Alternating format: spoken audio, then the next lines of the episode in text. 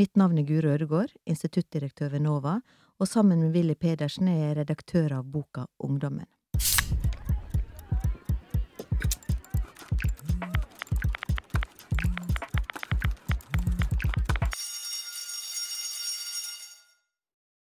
Overklassen formet nok friluftsliv i Norge for mer enn 100 år siden. Fortsatt tar Oslo-advokatene med seg sine engelske settere på rypejakta i høstferien. Men nå skal vi bli med noen andre på jakt. Noen gutter som stammer fra arbeiderklassen. Og i dag har vi besøk av Kjetil Skogen, som lenge var knyttet til ungdomsforskningsmiljøet på NOVA.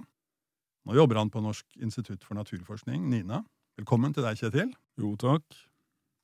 Ja, Kjetil, vi har jo snakket litt om det allerede. og det som slo meg da jeg begynte å jobbe med dette, var at uh, Thomas Hefti, som altså jo har oppkalt uh, en gate etter seg i det fasjonable Oslo, på Frogner, han var på slutten av 1800-tallet en av Norges aller rikeste menn.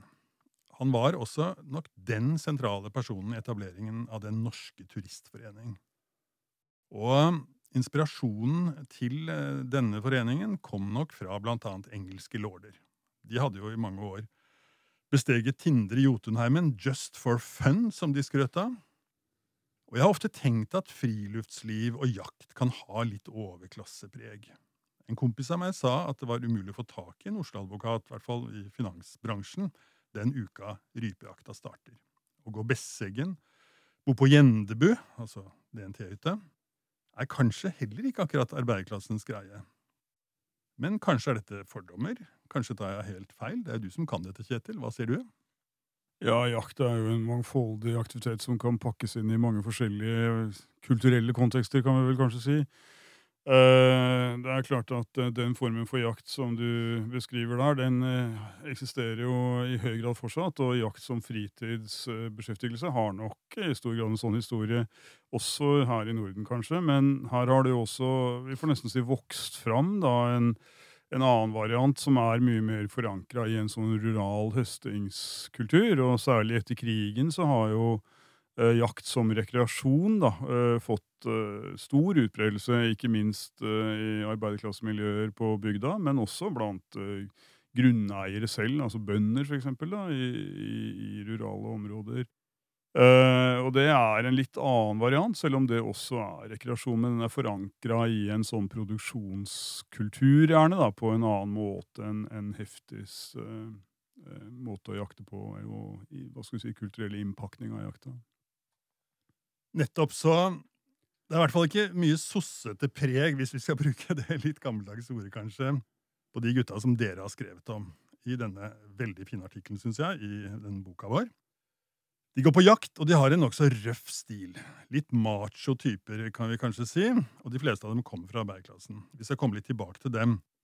Men eh, du er inne på det jeg tenkte jeg skulle spørre deg om, for vi finner vel også sånne jaktkulturer blant vanlige folk eh, etter hvert i eh, Norge.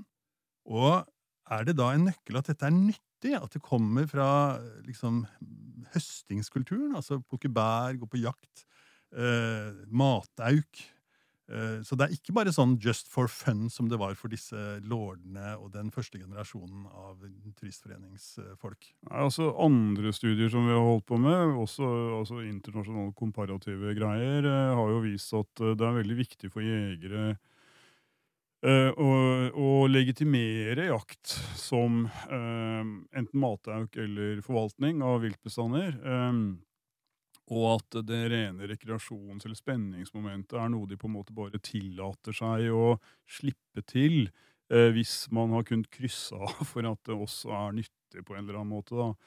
Eh, men det gjør nok ikke at, eh, at eh, den spennings- og ja, spenningsdimensjonen, eh, rekreasjonselementet, er uvesentlig. Tvert imot så er det sannsynligvis veldig sentralt. Men det betyr jo også en del, eh, faktisk, altså i form av kjøttproduksjon i en del miljøer. Eh, svenske studier som har vist at også urbane svensker spiser overraskende mye viltkjøtt pga. de koblingene, altså nettverkene de har da, på, på, bygda. Jeg vet ikke så mye om det er sånn kvantitativt i Norge, men det er ingen tvil om at, at det produseres en del kjøtt, og at det er både liksom sånn materielt viktig, men, men framfor alt også en viktig ja, rasjonalisering da, av aktiviteten.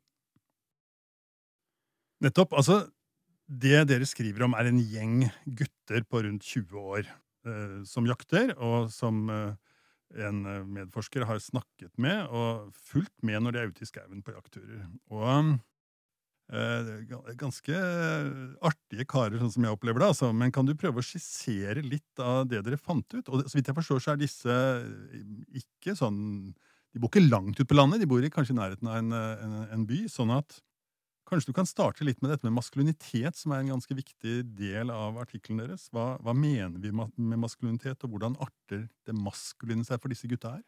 Ja, altså øh, Det er nok øh, klart at øh, det med hva skal vi si, å, å utvikle da, og uttrykke en viss form for sånn fysisk maskulinitet, og på en måte koble det tydelig til en sånn ja, et maskulint uttrykk som har vært typisk for arbeiderklassen, og som er godt beskrevet i mange studier fra mange land. At det har vært ganske sentralt for den gjengen her. Det er jo riktig som du sier at de, dette er ikke typiske bygdegutter. De, disse studiene er gjort eh, to, eh, to, på to lokaliteter, da, på, på, hver sin side av Oslo, for, for å si det sånn. Men eh, hvor disse gutta kommer fra miljøer hvor, hvor, fedrene også er veldig ivrige jegere, men også uh, håndverkere med store pickuper og sånn, altså fedrene. da.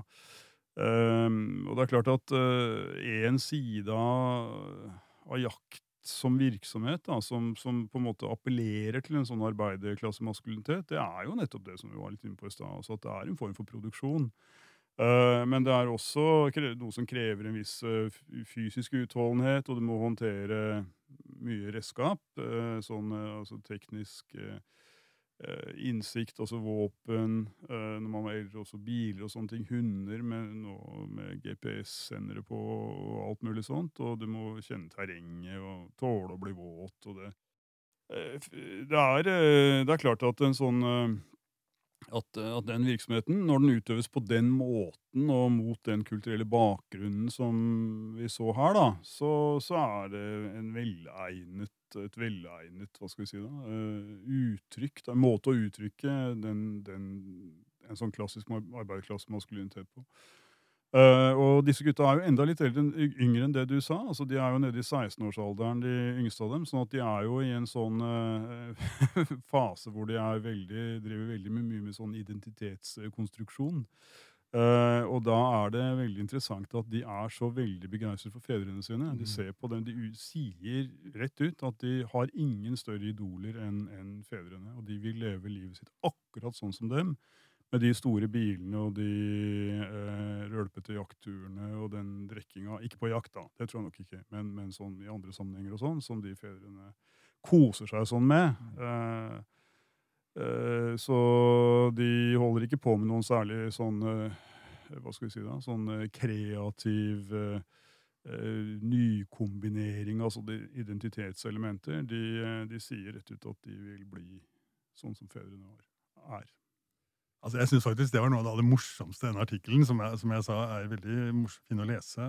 At de er såpass uvanlige i den forstand at uh, veldig mange ungdommer prøver å finne sin egen vei, liksom. Prøver å ta avstand for foreldrene, fra foreldrene, og ikke minst far i den alderen. er sånn. Dere skriver om en av gutta som forteller Det fortelles at han skøyt en gang en orrhane som og jeg siterer, befant seg klokka to for en av de andre kompisene.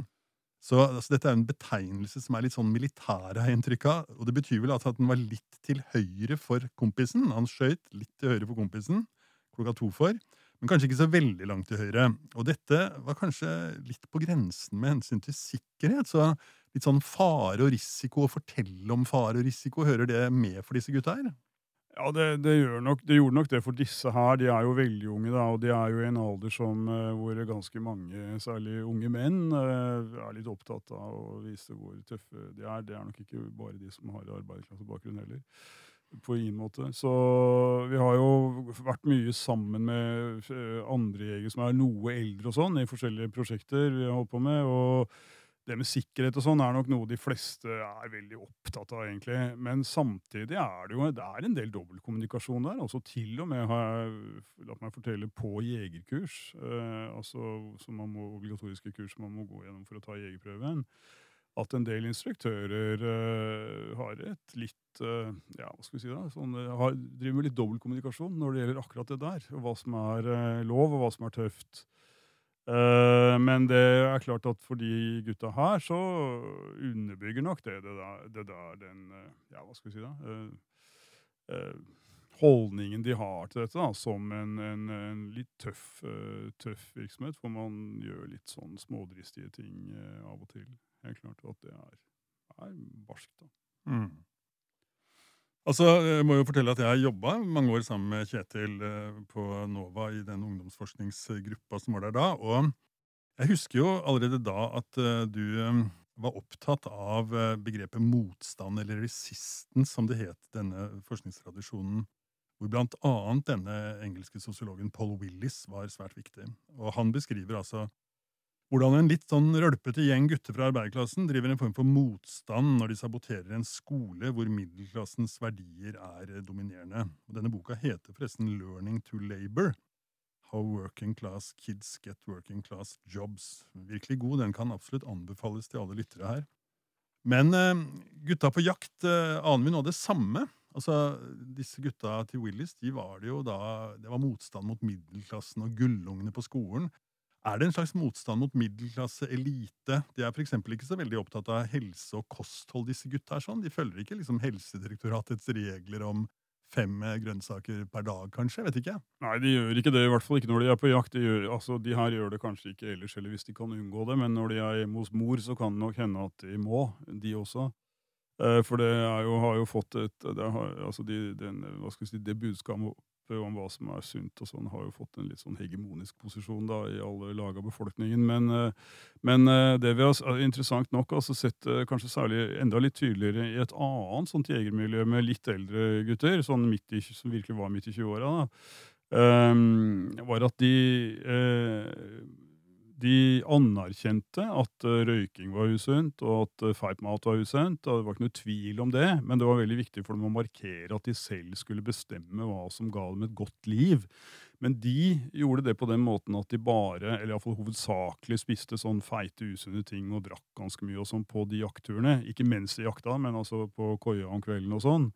Uh, at, uh, men når de var hjemme hos sine uh, relativt nye koner og sånn, unge folk, vet du da, og nye familier, så var de veldig opptatt av å markere at de var sånn moderne typer som spiste masse hvitløk og thaimat og, og sånne ting, som de også var, kunne lage selv og by på og sånn når vi kom på besøk.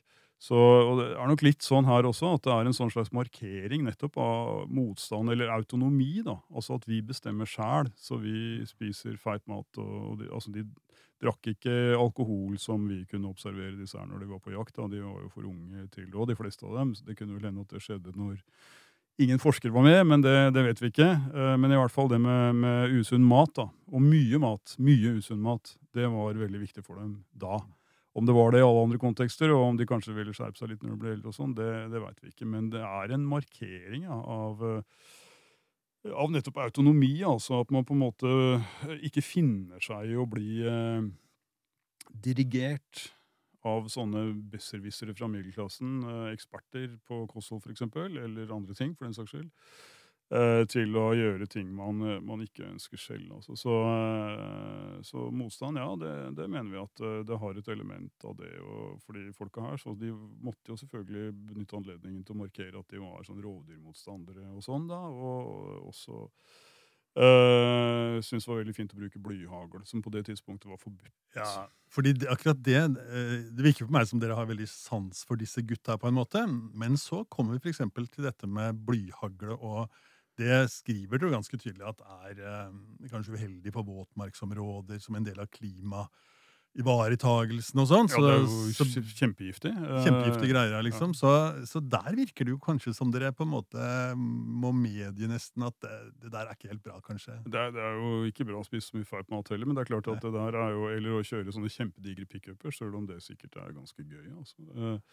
Så, så det, det, er jo ikke at man liksom kan anerkjenne som uh, progressivt, men altså at det er en del av uh, en, nettopp en sånn motstandskultur. Det er det veldig liten tvil om. Når det gjelder blyhagl, så er det jo det å si altså at uh, helt klart det har vært eh, det å bruke blyhagl, selv om det har vært ulovlig, nok har vært en del av en sånn eh, Ja, hva skal vi si eh, Motstandshandling, selv om den sjelden syns, da, men at det er en sånn markering for en selv, i hvert fall, at man, at man gjør det. Men uh, det som har skjedd i mellomtida, dette er jo noen år siden, da, det feltarbeidet, det er jo rett og slett at uh, Norges Jeger- og Fiskeforbunds intense lobbyvirksomhet har gitt uh, resultater. Sånn at blyhagl er ikke forbudt lenger i Norge. De fleste andre land er det det, men ikke her. Bare i våtmarksområder. På det tidspunktet der så var det forbudt å bruke det i det hele tatt. Mm. Men det er det ikke lenger. Og det, det, kan vi diskutere en annen gang, men det er nok tegn til at, at noen makt hva skal si, maktbalansen når det gjelder eh, hva slags kunnskap som er gyldig på dette området, og en del andre områder også, er i ferd med å endre seg litt. da, eh, Og ikke i hva skal vi si, den eh, klassiske middelklasseekspertisens favør. Jeg vet ikke hvordan disse gutta ser på det nå. Nå er de jo litt eldre enn de var da. Men, men de vil nok se på det som en stor seier, ja. Altså, Jeg syns jo det er uh, veldig spennende å tolke disse funnene i forhold til det valget som vi Når vi snakker om dette, så er det bare et par dager siden uh, valgresultatet mm. ble klart. Nå fikk jo ikke Senterpartiet fullt så høy oppslutning som man kanskje kunne tro for noen måneder siden, men uh, jeg vil jo tippe, det kan vi snakke også om en annen gang, jeg vil jo tippe at de greiene Senterpartiet har på en måte kjørt veldig hardt på, det er vel ting som helt åpenbart plasserer seg inni det bildet her. sånn som Ja, ja, helt, ut, helt utvilsomt. Og det er jo uh, helt garantert at uh, det er en viktig del av det, grunnen til at de har hatt såpass suksess som de har. også, At de har fanget opp en del av disse tingene. Og, og, på en måte løfta det opp på et annet nivå og gitt en politisk tyngde som det, som de ikke hadde for en del år siden. da. Mm. Så en del ting har skjedd, men det er klart også at det motstandselementet Eh, er jo fortsatt, fortsatt til stede. altså Selv om en del skal, si, allerede mektige aktører, som f.eks. Senterpartiet, da, har fanga opp dette og på en måte eh, fronter de hva skal vi si, undertryktes uh, interesser her, da, eller påstår det i hvert fall. Uh, så, så, så, eksisterer jo disse tingene fortsatt som en sånn slags uh, motstandsvirksomhet, ja, eller praksiser med, med elementer av motstand, da, der ute, uten tvil. Ja, altså jeg syns det virker som disse gutta har det skikkelig gøy når de er ute på tur. Og de har humor, og de har sterkt samhold. Som jeg har sagt mange ganger nå, så er det bare å lese artikkelen, så vil du veldig lett se det. Så kan jeg kanskje for eh, lytterne røpe at uh, du nok har vokst opp i Oslo-området, men du har jo røtter på Rena i Østerdalen. Og faren din kom derfra. Og jeg har vært på besøk hos deg på Rena et par ganger. Og det virker for meg som du personlig trives ganske godt i det lokale lege-, jeger- og fiskemiljøet i den bygda. Uh, minner de gutta som du der, eller som jeg har sett deg også sammen med, minner de litt om de gutta vi har hørt om her nå i dag, syns du? Ja, det er klart. altså den, eh, den, type miljø som vi snakker om her, er jo mer alminnelig også blant yngre folk i sånne områder som f.eks. På, på Rena, enn det er i de studieområdene her. da. Selv om, selv om disse, de, altså den eh, derre uh, arbeiderklassekulturreproduksjonen er langt ord. Den foregår jo på mange måter også i urbane strøk, som ikke involverer jakt, ikke men som likevel fanger opp noe av dette ja, sånn reproduksjon av maskulin, viss form for maskulinitet og sånn. Men akkurat det jaktelementet er jo selvfølgelig mye vanligere i, eh, i rurale strøk, som f.eks. der oppe i Østerdalen. Og, og, den derre kontinuiteten mellom generasjoner av menn, da, hovedsakelig, eh, den er veldig påtagelig, eh, vil jeg si. Og litt sånn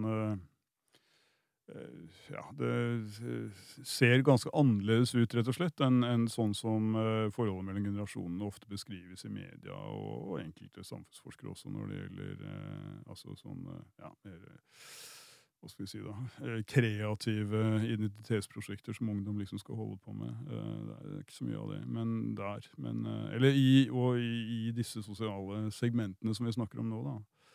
Det er klart, Sånne lokalsamfunn eh, som det er jo også uh, mer enn tidligere kanskje prega av sånne klasse, kulturelle klasseforskjeller. Uh, hvor man har en voksende middelklasse som også får barn. og som blir ungdommer, og som har en annen, et annet inntak til mange ting i livet. Også, også sånne ting som jakt og naturvern og rovdyr, eksempel, enn det de, eh, deres peers fra, fra arbeiderklassen har. Altså. Ja, da er tiden vår ute, Kjetil, og det var veldig gøy å snakke med deg om dette, syns jeg. Og veldig flott å høre om en gjeng gutter som verken minner så mye om rikmannen Thomas Hefti, som i sin tid satte stempel på mye av friluftslivet i Norge, men heller ikke så mye egentlig om sånne vi har vært opptatt av i eh, sosiologien, identitetsstudier, skinheads, punkere, folk som eh, vanka på Blitzhus og sånne ting, som man er opptatt av på den tiden begge vi to begynte å jobbe med ungdomsforskning. Så jeg tipper at uh, den typen friluftsliv som vi har hørt om uh, i dag, er nokså utbredt her i landet, og som vi har vært innom allerede. Kanskje finner vi noe av det greiene som gjorde at Senterpartiet har, gjort, har løftet seg så veldig. Og kanskje også stjålet noen uh, velgere fra Frp som kanskje ikke har så veldig klar den linken. Det er kanskje også noe som vi kan ha med i tolkningen av dette materialet. Så super forskning, Kjetil. Tusen takk for at du kom og snakket om den. Jo da, det var bare hyggelig.